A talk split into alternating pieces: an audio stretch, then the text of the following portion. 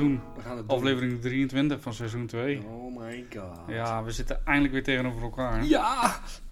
Samenwerken. ja, ja de, welkom bij de Raadspensionarissen. ja, welkom. Eh, ja, ik eh, vind het een eh, bijzondere setting vandaag. Het is een heel fijne setting wel. Ja, ja, het is een Het is toch een beetje soort van interrogation. interrogation room, ja. ja. maar dat maakt niet uit. Nou, dat is ook wel weer heeft zijn ja, charmes. Ja, toch? Zo op de achtergrond zo een paar rustieke huisjes van Dort. En die flutlelijke brug erachter. Maar Ja, lelijke Zwaansebrug, maar goed, maakt niet uit. Ja, welkom bij eh, de Raadspensionarissen, de geschiedenispodcast voor Geschiedenisnerds. geschiedenisnerds. Ja. Nee, geschiedenis en nerds en En alles wat Nou, ertussen valt. Je kan ons eh, volgen ook op eh, Twitter of Instagram. En dan kun je ook ons berichtjes achterlaten voor ons. Dat kan, hoeft niet hè? Hoeft niet. Ehm, je kan ons mailen, raadspensionaris.gmail.com als je weer als je iets wil toevoegen aan de show. Dat is show. Ja. Alright. Dus ja, veel te bespreken denk ik vandaag. Ja, ik denk het ook. Ehm, we hebben sowieso wat luisterpost. Oh, ik ben benieuwd. Ja, eh, we hadden natuurlijk vorige keer over Spotify en eh, Netflix en alles. Dat al, eh, niet alles op Netflix staat en dat gescheiden wordt en zo. En er schijnt dus ook inderdaad een luisteraar die zei: er zijn inderdaad, dus, ik zeg heel vaak inderdaad nu. Maar er zijn inderdaad. Zo. er zijn heel veel artiesten die niet eh, op Spotify staan, maar wel op andere dingen. Ja. Zo zou ook de Beatles pas vorig jaar beschikbaar zijn gekomen op eh, Spotify. Dat vind ik wel heel bijzonder. Toevallig had ik van de week nog een liedje opgezocht van de Beatles. Here comes the sun. Nee, ik had... eh welke was het nou ook weer? Ik weet het niet meer. Dat was een andere in ieder geval. Ik niet. Anyway, dat stond er gewoon op. Ja. Yesterday was het. Oh, was het beetje- gisteren? Nee. Je hebt gisteren opgezocht. Oh. Nee, maar eh, ja, ja, vorig jaar is natuurlijk ook eh eergisteren. Dus, eh, maar goed, het schijnt dus dat dat ook voor Spotify geldt. Maar goed, het, ik vind wel dat Spotify een vrij compleet aanbod heeft. Ja, een groot aanbod in ieder geval. Dus, maar goed, Ik vind dat van Netflix wel heel best wel beperkt. ja, ja, Maar dat heeft natuurlijk ook weer met een soort van licentieachtige iets te maken. ja, zeker, zeker. Dus, Dus ja, we shall see hoe dit ontwikkelt natuurlijk. Ik Ja. hoop dat Spotify wel zo blijft. Maar nou worden we meer een tech-podcast. ja, dat zijn we niet. Nee. Ehm, ja, we kregen ook nog de opmerking, hè, we hadden vorige keer over Turkije die de grens openzette naar Europa. Eh, toen, ja, een luisteraar die vraagt zich hardop af, van, ja, is het dan niet gewoon een soort van mensenhandel? Hè? We willen geld in ruil Ja, dat we de mensen binnenhouden. Dus een beetje omgekeerde handel eigenlijk. ja, dat, ja het is niet... Het, het is, Ja, ik kan het niet zo noemen, eh, denk ik. Nee, ik kan het geen mensenhandel noemen, maar er gaat wel op een bijzondere manier wordt er wel omgegaan met mensenlevens. Hè, Ja. Dat ben ik persoonlijk, hè, dat is niet een feit of zo, dat is mijn mening. Ja, Ja, het is moeilijk. ja moeilijke. Ik, eh, durf, eh, ja, ik durf er niet echt een aanspraak over te doen, omdat ik gewoon niet... eh, ja, ik, vind- ik vind het ook wel... ja, het is geen mensenhandel, want je koopt... het is omgekeerde mensenhandel als je het dan al zo zou willen benoemen. Maar het is, wat jij ook zegt natuurlijk, hè, het is eh, bijzonder dat je... Op Je zet die mensen in eigenlijk om een doel te bereiken. Ja, dat is bizar. hè, Ja. Ja. ja. Maar goed. Hey, ehm, ja, dit, deze week is eigenlijk best wel een bijzondere week. zeker. Want we gaan het hebben zometeen in het hoofditem over de raadspensionarissen. Want we heten raadspensionarissen, maar wat houdt dat eigenlijk in? Ja. Ja, waarschijnlijk als je de podcast luistert dat je al wel een idee hebt wat eh, de raadspensionarissen zijn, maar goed. Dus eh, nog één dingetje die we even willen benoemen. Het is natuurlijk eh, coronavirus. ja, het is natuurlijk inderdaad coronavirus everywhere. Hè. Het maakt niet uit waar je kijkt. Ook op, op het werk hè, ondervind ik relatief veel ja, voorzorgmaatregelen, zeg maar. Ik word eh, elke, elke dag, elk moment van de dag mee geconfronteerd op dit moment. Hè. Wij, eh, ja, de leerlingen die vinden het heel erg spannend. Die zijn er echt van onder de indruk. Ehm, ja, collega's die ziek zijn, die ook echt ziek... Ja, dat mensen zich echt zorgen om maken. Ehm, ja. En, ja, eh, maar ook de, de, vanuit de organisatie hè, wordt Ja. er gezegd van als je uit Brabant komt en je voelt je niet lekker, blijf thuis in vredesnaam. ja, dat is heel bijzonder. Ja. Eigenlijk is dit, kijk, we zien natuurlijk nu van je moet 20 seconden je handen wassen, je moet in je elleboog eh, niezen, je moet eh, whatever. En dan denk ik, ja, dit zijn toch gewoon dingen die je eigenlijk normaal altijd al moet Klopt, maar ik denk dat het meer om mensen nog even bewust te maken van het feit van... hé, hey, eh, doen. Ja. let daar nog even op. Maar ja, je kan niet zeggen van jongens, letten jullie daar nog even... Je moet wel echt gewoon duidelijk maken van dit is hoe het hoort. Ja. Hou je daar dan aan voor om jezelf te beschermen, zeg maar. En niet alleen jezelf, maar ook je omgeving. ja, precies. Maar dat is hetzelfde als met het ziek zijn, hè. Eigenlijk, als je natuurlijk een griep hebt, dan moet je al niet naar je werk gaan. Nee, maar dat is, dat is sowieso wel zo. Ja. ja. Maar toch doen mensen dat. Vaak wel. Vaak ook docenten. Ja. Omdat ze de klas niet alleen willen laten. Ja, eigenlijk misschien wel natuurlijk wel meer bevolkingsgroepen. Ja. Ik kan me voorstellen in de zorg dat je ook mensen niet ja. eh, aan een lot wil als je dan toch nog die soort van oké voelt dat je denkt, nou ga ik toch maar werken. Terwijl je eigenlijk Ja. dan anderen besmet. Terwijl je dan eigenlijk lekker thuis moet blijven. Precies. Maar goed, maar, eh, eh, waarom, ja. we, ja, waar- waarom we dit zeggen is natuurlijk omdat eh 12, ja, de 12 maart eh 2003, dus we gaan even kort terug in de tijd, was er natuurlijk eh, een andere besmettelijke longziekte. Ja. Die heeft, eh, dat is eigenlijk een broertje van eh, de corona. Het is ook een, is ook een, is ook een Mm. coronavirus, dacht ik. Eh, ja, dat, eh, dat is, ja, de Wereldgezondheidsorganisatie sloeg toen een alarm wegens deze besmettelijke ziekte. Hè, SARS, je hoort nog steeds mensen zeggen, ja, SARS, SARS. Nou, dat valt nu helemaal weg, want dat wordt nu helemaal corona. Ja. Corona, corona, corona. Nou, een eh, maand later, dus dat is dan in april 2003, eh, 2003 zijn er ehm 2781 gevallen gemeld, waarvan 111 patiënten overleden zijn. Nou, de corona is dat al verder overheen, hè? Laten we Ja. daar wel even over hebben. Alleen Ja, Ik begreep wel dat, eh, dat was vorige week ergens hoorde ik eh, dat er 5300 mensen wereldwijd waren besmet. Maar goed, dan nog wil ik het nuanceren, want Ja. ik bedoel, er zijn 7,5 miljard mensen op ja, maar aarde. even in perspectief te brengen. SARS hier, 111. En in Italië alleen al zijn er al meer dan 100 overleden. Ja. In één dag. ja, het is, het is wel een heftigere versie. Ja, dat was gisteren geloof ik. In één dag 100 mensen overleden. Ik, iedereen heeft wel aluminium hoedjes op. Ehm, ik heb ergens gelezen, natuurlijk op eh Loesjes site, dat het misschien Oh, wel in een laboratorium is gemaakt. De ziekte? Corona. Dat het geëngineerd is door de... de, Oh nee, Door door de aliens. de- nou, in- in- Dit is gewoon geboortebeperking, mensen. ik weet niet of het door aliens is, maar... Nee, wel- ja, weet je... Dat, ja, dat- Ja, ik weet het niet of het zo is natuurlijk. Maar goed, het kan. Weet Ja. niet. Ja. Dus dat. bijzonder. Maar ja, goed, die wilden we nog even noemen, hè, want het is natuurlijk niet de eerste keer dat zoiets gebeurt. Nee. Eh, waarschijnlijk ook niet de laatste keer. Eh, nee, dat eh, is... Zij we allemaal doodgaan, dan natuurlijk wel. Dan, is v- Ik denk dat we met vrij grote zekerheid kunnen vaststellen dat het niet de laatste keer is. Nee. Ja, van SARS en corona gaan we eigenlijk naar de raadspensionarissen. ja, Want wij heten zo, maar waarom heten wij zo? inderdaad. Inderdaad. Ja, waarom wij zo heten, dat, ja, hoe heet, waarom heten wij eigenlijk zo? Ja, omdat wij eh, gewoon lijken op Johan Cornelis de Wit. Nou, behoorlijk. Oké, dat weet ik ook niet. Het is gewoon een leuke naam. En we zijn natuurlijk fan van eh, de raadspensionarissen. En eigenlijk... Ja, ik, ik ben niet tegen het Koningshuis of zo, maar Nee, tuurlijk niet. Ik ook niet. we zijn wel een beetje eh, republikeins misschien. Ja, we zijn... Nou ja, hoe dat klinkt heel vies. Ja, klinkt vies, hè? Oei, oei, oei, politieke voorkeur. Nee. Ja. Ehm, nee, ja, ik weet, ja, ja, ik ben wel wat meer eh, staatsgezind dan dat ik eh, prinsgezind Ja, ben. dat Als ben we ik het ook. toch alvast daarover hebben. ja. Hè, want eh, als we kijken naar de republiek van toen, toen, hè, dat is zo'n heel vaag om, hè, de Nederlandse republiek. Ja, na de, ja, nadat we natuurlijk de Habsburgers hebben verslagen. Althans, verslagen tussen haakjes. Tussen haakjes het een verslagen. vredesverdrag is. De Habsburgers moesten het opgeven wegens eh, geldtekort. Correct. Vanwege andere oorlogen eh, tegen bijvoorbeeld de Ottomanen. Ja. Ehm, ja, die kwamen heel erg op ook in, eh, tegen Oostenrijk aan. Hè? Die waren Ja. echt eh, heel ver opgetrokken. En ja, daar kwamen we, die Habsburgers wel echt heel erg moeilijk mee. Maar dat is even, eh, we moeten het ja, draaien er een beetje omheen. Ja. We moeten naar onze grote vrienden, de, ja, de Johan en Cornelis de Wit gaan we eigenlijk heen. Want Ja. dat, eh, die bedoelen we eigenlijk als we vaak de raadspensionarissen zijn. Natuurlijk zijn er veel meer raadspensionarissen. moeten we wel even... eh, Cornelis was geen raadspensionaris. Dus True. moeten- maar hij was een beetje een aanhangsel. Dus een beetje soort van zijn broer was het. Maar hij was ook wel belangrijk. Maar, Oké, oké. I stand corrected.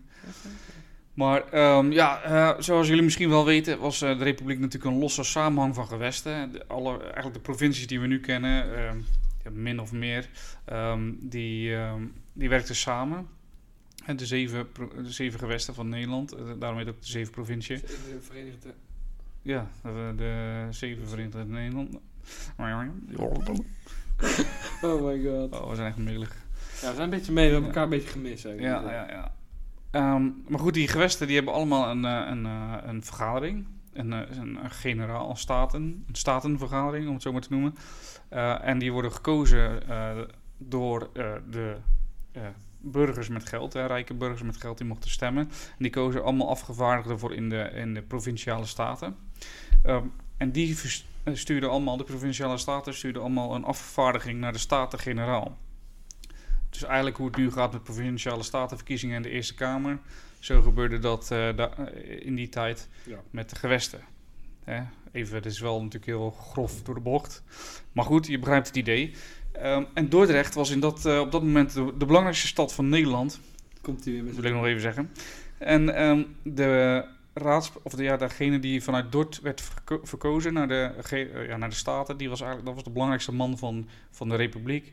En dat werd vaak dus de raadspensionaris. En de raadspensionaris moet je zien als een soort minister-president met minister van Financiën, Binnenlandse Zaken, Buitenlandse Zaken. ja. Voor, ja. Ja, dus, ehm, dus aan de ene kant had je dus die raadspensionaris die eh, eigenlijk zoveel mogelijk de politieke zaken regelde. Aan de andere kant stond daar de prins van Oranje. Ja. En eh, in eerste instantie natuurlijk Willem van Oranje. Toen hij overleed, ehm, werd er in Friesland uit mijn hoofd, werd er, eh, zeg maar, van de Oranjes die we nu kennen, werd dat gezin werd aangehangen. Nee, hij had wel... Eerst had hij twee zoons natuurlijk. Ja, oh ja, Ja, natuurlijk. hij wil de, de tweede en de derde. En nadat de derde dus overlijdt, de klootzak, hè, Ja. dan eh, daarna gaan ze inderdaad naar Friesland gaan ze shoppen, inderdaad. Want dan zijn... Ik, ik dacht dat ze sowieso al een andere Nee, nee, want de derde was echt de afstammeling van... eh, van Matthijs die komt je echt halen als hij dit hoort, hè. maar eh, nee, hij, eh, hij had... eh, net dat was een afstammelingetje van... van, van. Maar nadat hij... Hij gaat kinderloos, gaat hij dood. Ja, ja. Omdat hij natuurlijk, hè, de mollenkoning, hij, Ja. hij gaat naar Engeland en daar... hij krijgt geen kinderen en dat gerucht is dan ook dat hij waarschijnlijk homoseksueel was. Omdat hij... Ja, hij had geen kinderen. Vandaar dat hij eh, de raadspensionaris genaaid heeft. Ja, precies, daarom zei ik ook al. Van hij, hij heeft natuurlijk Johan, en, eh, althans dat is wel heel erg het vermoeden. En waarschijnlijk kunnen we daar ook wel met enige zekerheid toe zeggen, zonder bronnen nu hier, dus niet boos worden. we dat hij daar... doen. We gaan het volgende week doen. Ja, Ik maar ga gewoon- volgende week het moordcomplot gaan. Oh, de moordkop. Nee, Ja, ja. dan krijgen we ruzie met de orangisten. Het zijn gewoon feiten die ik... Feiten? feiten. Feiten. Daar geloof ik helemaal niks van. Jawel. Maar goed, ik weet al, je hebt gelijk natuurlijk. Eh, het was zo volgens mij dat... ehm, nou, ja, we gaan het zo uitleggen. Komt helemaal goed. Let gewoon op. Dus aan de ene kant heb je de raadspensionaris en anders heb je de, aan de andere kant heb je de prins van Oranje. En die is de legerleider Ja, eigenlijk. de Die soort- stadshouder is hij, hè? ja, de stadhouder noemen we dat inderdaad. En hij is eigenlijk de, de oppergeneraal der eh, Nou, daar moet ik wel even wat bij zeggen, want eh, elk, elk gewest had zijn eigen stadshouder. Ja. Maar omdat eh, ja, ze, ze toch een soort van, ehm, ja, zeg ik dat, een monar mo- monarchie-tintje erdoor kregen, zeg maar, eh, verkoos elk gewest dus de afstammeling van de Oranjes tot stadhouder. Dus, waardoor hij dus eigenlijk heel erg veel macht kreeg. Ja, en dat is waar het dus eh wrijft, of wringt, moet ik zeggen, niet wrijft, maar wringt tussen, Ja. de, tussen de raadspensionaris of tussen de staatsgezinden en de prinsgezinden. Ja, ja, Want de staatsgezinden zijn heel erg tegen een monarch, ja, wat ook wel een beetje des Hollands is op dat moment. En eh, de prinsgezinden zijn juist ja, voor. Ehm, en zo komen we dus bij ehm, uiteindelijk eh, Willem II. Ehm, die overlijdt. Nee, ik ga iets verder terug nog. We gaan terug. Als eerste, alle, eh, Donnie zei het al, orangisten zijn niet echt eh, gebrand op dit stukje geschiedenis. En dat blijkt ook wel, tot nu is dat nog steeds zo eigenlijk. Er staat een, stadbeeld, standbeeld van eh, Cornelis, Johan Cornelis de Wit in Dordrecht. En ehm, in, 19, of in 1897 werd de regentes Emma gevraagd om bescherm ehm, te worden. Of eh, Wilhelmina, sorry, werd eh, gevraagd om beschermvrouw te worden van dat standbeeld. En een donatie te doen om het te financieren. Want het is een eh, soort burgerlijk gefinancierd project. Dus dat is ook wel een teken natuurlijk. Dat het Mhm. niet vanuit de overheid komt. Ja. Nou, Wilhelmina die wilde dat niet, beschermvrouw worden. Ze deed wel een, een gift van 100 gulden. Nou denk je, nou dat is in die tijd misschien veel. Maar dit moet je afzetten tegenover de 2500 gulden die het Dordtse Museum schonk. En de 16.000 gulden van de familie Stoop. Zo. Dus dan zie je dat dat eh, eigenlijk best wel een soort lullig bedragje is. Ja. Ehm, en ik geloof zelfs dat eh, bij de onthulling van het standbeeld dat er geen oranje eh, aanwezig was. Dus die frictie duurt eigenlijk nog altijd voort. Dat is wel ja, bijzonder. is dat echt zo, denk je? Ja, Hmm. ik denk wel dat daar een kern van waarheid in zit. Ook recentelijk is er een standbeeld van Willem van Oranje in Dort eh, onthuld. Nou, wat natuurlijk eh, tegenovergestelde is. En dat ging ook niet echt zonder slag of stoot, om het eh, zo maar te zeggen. Snap ik. Maar dan vanuit de staatsgezin, zeg maar. Ja, ja, ja. Dan is dan nog een soort van trots zo van, Ja. hey, wacht even. Wij zijn de stad van eh, Van de, de Witte. Ja. Die, die blijven hier weg met je vuile orangistische... Ge... ja, dat is toch wel bijzonder, toch? Ja, dat is zeker bijzonder. Ja. Maar ook wel mooi, vind ik. Dat na zoveel jaren nog steeds wel Dordrecht zich hard maakt voor Zeker. Johan de Wit. Toch 400 jaar later. Ja, Bijna. prachtig. Hey, ehm, Johan de Wit zelf wordt in 1625 geboren in Dort natuurlijk. Zijn vader is, ehm, is burgemeester van Dort. Eh, en hij valt onder, ja, dus hij groeit op in een, eh, een regenten, oftewel een bestuurdersfamilie. Een regent is een beetje, ja, je had niet echt adel in Nederland, maar eh, laten we het adel noemen. Ja, het is niet adel, maar het is eigenlijk, je kan jezelf opwerken Werken tot, tot- dat, zeg Ja. maar. Ondanks dat waarschijnlijk de familie van hem al rijk was en hij dus in hele goede omstandigheden kon opgroeien. Precies. Voor die tijd dan in ieder geval. Je zeker. Dankjewel voor deze waardevolle aanvulling. of niet? Zeker. Ehm, Inderdaad. Wat hij meemaakt is dat zijn vader eigenlijk wordt, eh, samen met andere regenten worden vat- vastgezet in eh, slot Loevestein door de, de stadhouder eh, in die tijd Willem II. Omdat na de vrede van Münster, dus het einde van de 80-jarige oorlog, willen die regenten het landleger ehm, ja, kleiner maken of willen ze op bezuinigen. En dat wil Willem II niet, want die, ziet, eh, die is eigenlijk bang dat hij zijn macht verliest. Ja. Dus die Willem II die zet eh, die regenten eh, vast in uh, Loevestein. En ja, dat bewees voor de familie De Wit dus ook dat eigenlijk een stadhouder geen plek heeft in een republiek. Dus de term gedenk Loevestein zou dan ook een, een lijfspreuk spreuk blijven. ja. Dat zorgt er dus ook voor dat Johan de Wit op het moment dat hij raadspensionaris is van, van de republiek, dat hij op verschillende manieren probeert om eigenlijk Willem III, wat, dat was dan weer de zoon van Willem II natuurlijk, um, dat hij hem buitenspel wilde zetten. En dat heeft hij onder, onder andere gedaan door de akte van seclusie en het eeuwige edict. En in die twee actes, uh, slash wettenachtig, ja, je moet het zien als een wet, uh, staat eigenlijk in dat uh, Holland en later ook andere gewesten, eigenlijk nooit Willem III als stadhouder zouden benoemen. Dus op die manier probeert hij echt ja, die, die stadhouderpositie uit te schakelen. Um, het grappige is dat in die periode eigenlijk dat we dat, dat Johan de Wit uh, raadspensionaris is, dat er twee oorlogen gevoerd zijn met Engeland. Uh, in totaal hebben we vier oorlogen gevoerd. Um, de eerste oorlog was er meer, min of meer om bezittingen van de Spanjaarden, die, om die te verdelen, zeg maar. Um, de Nederlandse vloot, nou ja, je weet zelf wel hoe die groot is geworden door de verschillende uitvindingen die we hebben gedaan. onder andere door de zaagmolen, hè, de windmolen die, die planken kon zagen. Um, en uiteindelijk zie je dat onze vloot, de Nederlandse vloot van de Republiek, dat die uitgroeit tot de handelsvloot van fucking everywhere. Ja, met Engeland op onze hielen wel, hè? laten we wel eerlijk zijn.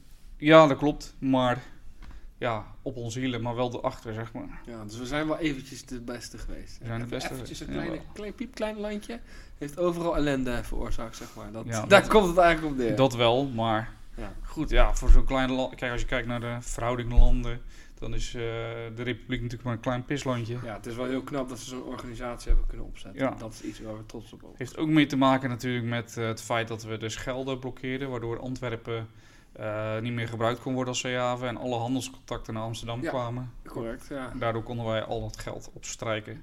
Stapel, hè, rechten, Ja. toch alles. Ja, precies. Ehm, nou, eigenlijk dat ehm, die oorlog tussen de eerste Engelse zee en Nederlandse zeeoorlog, die eh, verloopt ja, voor beide partijen niet zo goed. Maar er wordt uiteindelijk een vrede gesloten ehm, in eh, 1654, de vrede van Westminster.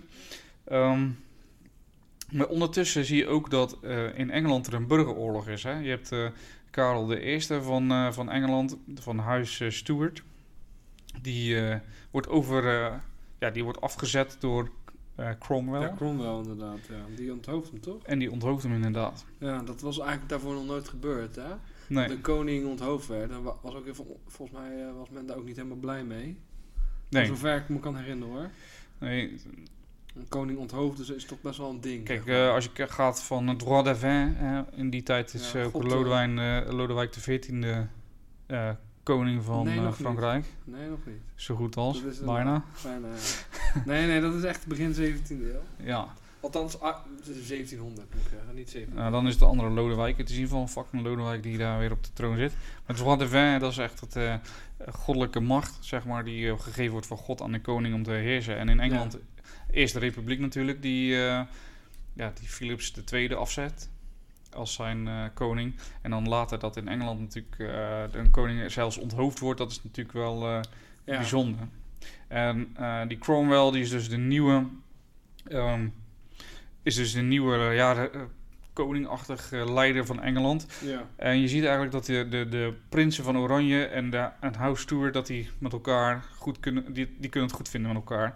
En eigenlijk wil Cromwell alleen maar vrede sluiten op het moment dat ze die eerder genoemde akte van seclusie, dat ze die laten opnemen in dat vredesverdrag, zodat eh, ook Cromwell het idee had dat er in ieder geval nooit meer een koning eh, aan de macht zou komen. Dus ook niet in Nederland. Ja. Maar hij was, ook, hij was natuurlijk ook bang dat eh, ja, die Nederlandse koning, prins, gezinde gast naar Engeland zou komen. Wat later natuurlijk eigenlijk ook wel gebeurt. Alleen ehm, Cromwell, die overleed eigenlijk eh, eh, vrij snel in eh, 1660. En Karel II, de, de zoon van Karel I, hoe kan het ook anders, ja. die eh, komt op de troon in Engeland. Ehm, Even nog wel eventjes een korte... het was geen Lodewijk die op de troon zat, maar volgens mij heb jij het over Hendrik de Vierde. Is dat zo? Ja, er was nog die koning dat het... eh, heeft te maken ook nog met het hele gebeuren katholiek versus Oh ja. protestant. eh Tuurlijk, ja, je hebt gelijk. tuurlijk heb ik gelijk. ja. Ehm, in ieder geval, die Johan de Wit die komt dus aan de macht. Hè, en die eh, heeft dus die vrede gesloten. En die zorgt ervoor die met enorme financiële eh bijdragers in de, in, in, in de Nederlandse ja, marine, om het zo maar te zeggen. Dus de schepen die worden allemaal geupgrade en er worden allemaal nieuwe tactieken verzonnen en over afgekeken van de Engelsen. En onder admiraal de Ruiter, hè, Michiel de Ruiter, ja, die, eh, die won eigenlijk zo'n beetje alle zeeslagen die er te winnen, eh, te winnen waren en die belangrijk waren. En dat was eigenlijk ook het idee van Johan de Wit. Hè. Hij wilde dit, die marine wilde die sterk houden, want hij zag eigenlijk in dat hij, eh, ja, dat hij de handelsvloot moest beschermen. Want Ja. dat is eigenlijk de levensader van, van de republiek. ja, nog even een kleine aantekening. Ik had het mis. Heb jij het mis? Ja. Had ik het Wel- goed? Ja, had het wel goed. Wow! Maar ik ben ook wel zo stoer dat ik mezelf dat in dan toegeef. Ja, dat vind ik ook tof van je. Ja, dankjewel. Ehm, en Nederland, eh, de Republiek eh, en Johan de Wit, die hield eigenlijk Frankrijk als zijn, eh, als zijn bondgenoot tegen Engeland. Hè, want de, tegens- de tegenstelling Engeland-Frankrijk is gewoon is nog steeds zo eigenlijk. Misschien wat minder als eerst, maar je Ja. ziet in de Eerste en de Tweede Wereldoorlog ook, ook eigenlijk die tegenstelling nog terugkomen. En daarom eh, dacht Johan de Wit ook, en mede op het eh, zicht van, eh, van die prinsgezin, dat hij Ja. wilde die de landleger eigenlijk een beetje ja, Ja, nog een kanttekening. was heel dom van mij, want dat weten we heel duidelijk. Dat Lodewijk XIV, die, natuurlijk, die sloopt natuurlijk de republiek. Dus dat, hadden we- dat had ik moeten weten. Daarom zei ik dat ook, maar Ja, ja, ik weet het, maar ik ben ik, gewoon... ik raak van stuk van jou. ja, dat dus- weet ik, man. Het spijt, het spijt, het spijt me. Oké. Het spijt me. het ik me vergeven? Ja, vooruit. Oké, oké. mag je weer door. Hey, tijdens de Tweede Nederlandse Zee, Engel, eh, Nederlands-Engelse Zeeoorlog, daar gaan we even heen. Dan zien we, die wordt uiteindelijk met de tocht naar Chatham, wordt die eh, ja, in het voordeel van, eh, van, eh, van de Republiek besloten. Hè. Eh, Michiel de Ruiter, die eh, vaart met een vloot vaart die door Chatham en eh, daar eh, vernietigt hij bekant de hele Britse vloot. En hij neemt geloof ik het, eh, het vlaggenschip van, de van de Britten neemt hij mee terug. Dat deed hij ook. Die haalde die uit de Theems, hè? Die, Ja. die nam die helemaal mee. Ja, Wie, eh de Ruiter bedoel je toch? Hij Ja. was er zelf niet bij, hè? Hij was ziek. ja precies. Dat, ehm, Pussy. Dat is een goede kanttekening, want er wordt gezegd dat hij er natuurlijk eh, eh, was, maar hij was er niet, hij was ziek. Eh, ze zeggen wel eens dat hij eigenlijk niet zag zitten, eh, die tocht, en dat hij daarom zogenaamd ziek was. Ik weet natuurlijk niet hoe dat zit. gezichtsverlies kon verleiden. Ja, dat kan ik me ook wel voorstellen. Ik weet niet of dat echt waar is, maar Maar hij strijkt wel weer de eer. hij staat in ieder geval de eer. En in 1667 is die tocht van Kattem, en dan, eh, ja, dan naderen we eigenlijk het rampjaar van 1672, hè? Ja, dat En- is echt kanteljaren voor de Republiek. En dan eh, ja, zijn we nooit meer te boven gekomen eigenlijk. Nee, nee, nee. Eh, het zit een beetje in de politiek van, eh, van Johan de Wit, die eigenlijk ehm, Engeland of eh, Frankrijk inruilt voor Engeland als bondgenoot. Want dan denk ik, als ik eh, Engeland als bondgenoot neem, dan, eh, ehm, ja, dan is mijn vloot, mijn handelsvloot is dan veilig. Ehm, En Frankrijk die neemt dat niet echt licht op. Maar Johan de Wit rekent er eigenlijk op dat die tegenoverstelling van Engeland en Frankrijk... Ja. dat hem dat veilig stelt. Hè? Dat ze niet samen zullen zweren tegen hem. Maar hij misrekent zich daar enorm op. Want in 1672 gebeurt het, uh, ja, gebeurt het dus dat Engeland de republiek inruilt voor Frankrijk. En. Engeland en Frankrijk opeens geallieerd zijn en het opnemen samen met een, eh, een aantal eh, bisdommen eh, uit eh, Duitsland. Duitsland is ja, een soort kleine, zijn allemaal kleine staatjes. En eh, ze vallen de republiek aan, over land en over eh, zee. Nou, op zee eh, zie je gelukkig dat natuurlijk ehm, Michiel de Ruiter er is, dus die verslaat daar ehm, de, de Engelse en de Franse vloot. Maar de Franse landlegers en eh, van de bisdommen, ja, die vallen gewoon Nederland binnen. En eigenlijk is het volk, eh, ja, die is helemaal, ja, ze noemen het eh, in mooie termen, noemen ze het, het volk was redeloos, de regering was radeloos en het land was reddeloos. Ja, want we hadden eigenlijk helemaal niet geïnvesteerd in een landleger. Nee. Ondanks dat er wel voortekenen waren van de, Frans, de Engelse en de Franse aanval. Maar Johan de Wit eh, liet zich eigenlijk misleiden door de mooie praatjes van de ambassadeurs van die landen. Ja. Waardoor hij dus niet op tijd geld heeft geïnvesteerd. Ja, hij, op een gegeven moment deed hij het wel. Maar toen was het eigenlijk al te laat. Ja. Dus ehm, Ja, dat is best wel een slechte move, hè? ja. Ehm, het gevolg daarvan is dat eigenlijk eh, het volk, net zoals met eh, Willem van Oranje, terugkeken naar de prinsen. Hè? De prinsen van Oranje en in dit geval Willem III, die ondertussen al volwassen was geworden. Ja, die moet dan het land eigenlijk redden ten aanzien van deze verschrikking genaamd Johan de Wit. Hè. Dus eh, je ziet dat het poli- politiek spectrum keert dan helemaal tegen Ja. eh, de staatsgezin in dit geval. Dat zie je vaak ook, hè? Ja, Dit gebeurt wel vaker. ja precies. En eh, je zal ook wel, ja, later zou je weer zien dat het eigenlijk weer andersom gebeurt. Hè? Bij uit mijn hoofd Willem IV of Willem V. Hè, dat eh, de, de staatsgezinden ehm, eh, ja, tegen hem keren omdat het slecht gaat met Nederland. En dan gaan ze Dat hij vlucht bedoel je? nou? Ja, Eh, En dan vlucht hij, moet hij Ja. naar Engeland vluchten. Dus, ehm, maar goed, dat is dus eh, het rampjaar die, die dan ja, eigenlijk voltrekt. En dat betekent indirect ook, het, of ja, misschien wel direct het einde van Johan Cornelis de Wit. Ze krijgen de schuld, hè. Ehm, ook door allerlei pamfletten die natuurlijk rond... feitelijk kon hij er misschien minder aan, eh, aan doen. Maar eh, hij kreeg wel gewoon schuld. En Cornelis eh, de Wit wordt uiteindelijk eh, eh, vastgehouden omdat hij zou een zogenaamd moordplan hebben beraamd tegen Willem Ja. III. Maar daar gaan we volgende week over verder. Ja, hij wordt, hij gezien als een leidend figuur ook van de staatsgezinde. Hè? Dus Ja, hij was ook echt een van die vijanden eigenlijk. Hè? Van, Ja. van de orangisten dan. klopt. Ehm, het, zit er, het zit er ook nog in dat eh Johan de Wit wilde natuurlijk op een gegeven moment wilde die investeren in het landleger. Want hij zag van shit, dit gaat eigenlijk niet goed. Ehm, maar Willem III had vertrouwelingen in het Zeeuwse en het Hollandse eh, eh, bestuur gekregen. En eh, Holland en Zeeland betaalden eigenlijk de grootste gedeelte aan de schatkist en hadden het meeste te zeggen. En die lagen dus dwars en die wilden dat defensiebudget niet verhogen. Dus Ja. ja, dat is ook een soort intrige die zich afgespeeld heeft. Cornelis, hè, die eh, was wel aan, eh, aanwezig bij de tocht naar Chatham. Ja, Wat een badass, hè? ben, ja het scheen dat hij ook leed aan hoe, gewrichten, ingewrichten. Artrose? Ja, dat hij daarom ook met een stok liep en moeilijk kon lopen. Maar hij was er inderdaad bij. Ja. Ja, Hij was admiraal, hè? Of hij was lid van de admiraliteit, Ja. zoals we dat zo mooi kunnen zeggen. Mooi feitje is ook ehm, dat onder leiding van Michiel de Ruiter de eh Korps Mariniers eh, opgericht was. En die hebben ook een, eh, een rol gespeeld bij die tocht naar, naar Kettem. Ehm, ja, doordat ze dus vanaf de schepen... ehm, ten eerste, er is geen zo'n grote ketting door de, door de Theems te lopen. Ja, en die hebben ze onschadelijk gemaakt. Ja, onschadelijk gemaakt, ja. En eh, ze zijn natuurlijk aan boord van de, van de Engelse schepen gegaan. En natuurlijk van, de, van het, van het eh, vlaggenschip van de Engelsen. Mhm. Dus ehm, ja, daar eh, vindt de oorsprong van het Korps Mariniers zich. En dat vieren ze nog steeds zo. Dus dat is wel grappig. Dat is wel vet. Ja. Ja, verdorie. Ja, ik Ja, zijn we eigenlijk mee. Ja, weet je, er, zit, er is zoveel informatie, maar als ik dat allemaal ga spammen naar jullie, dan eh, zijn jullie de weg kwijt als jullie dat nogal niet zijn. Nu al niet zijn. Ja. Maar het is dus ja, Johan de Wit die aan de macht komt, die probeert Willem III eigenlijk buiten te sluiten. Eh, met zijn politiek eh, speelt hij eigenlijk de Engelsen en de Fransen tegen elkaar uit. En die, op een gegeven moment zijn die het zat en die gaan samenwerken samen met de bisdommen van, eh, van Münster en Keulen. En die vallen de republiek aan, waardoor hij de, daar de schuld van krijgt.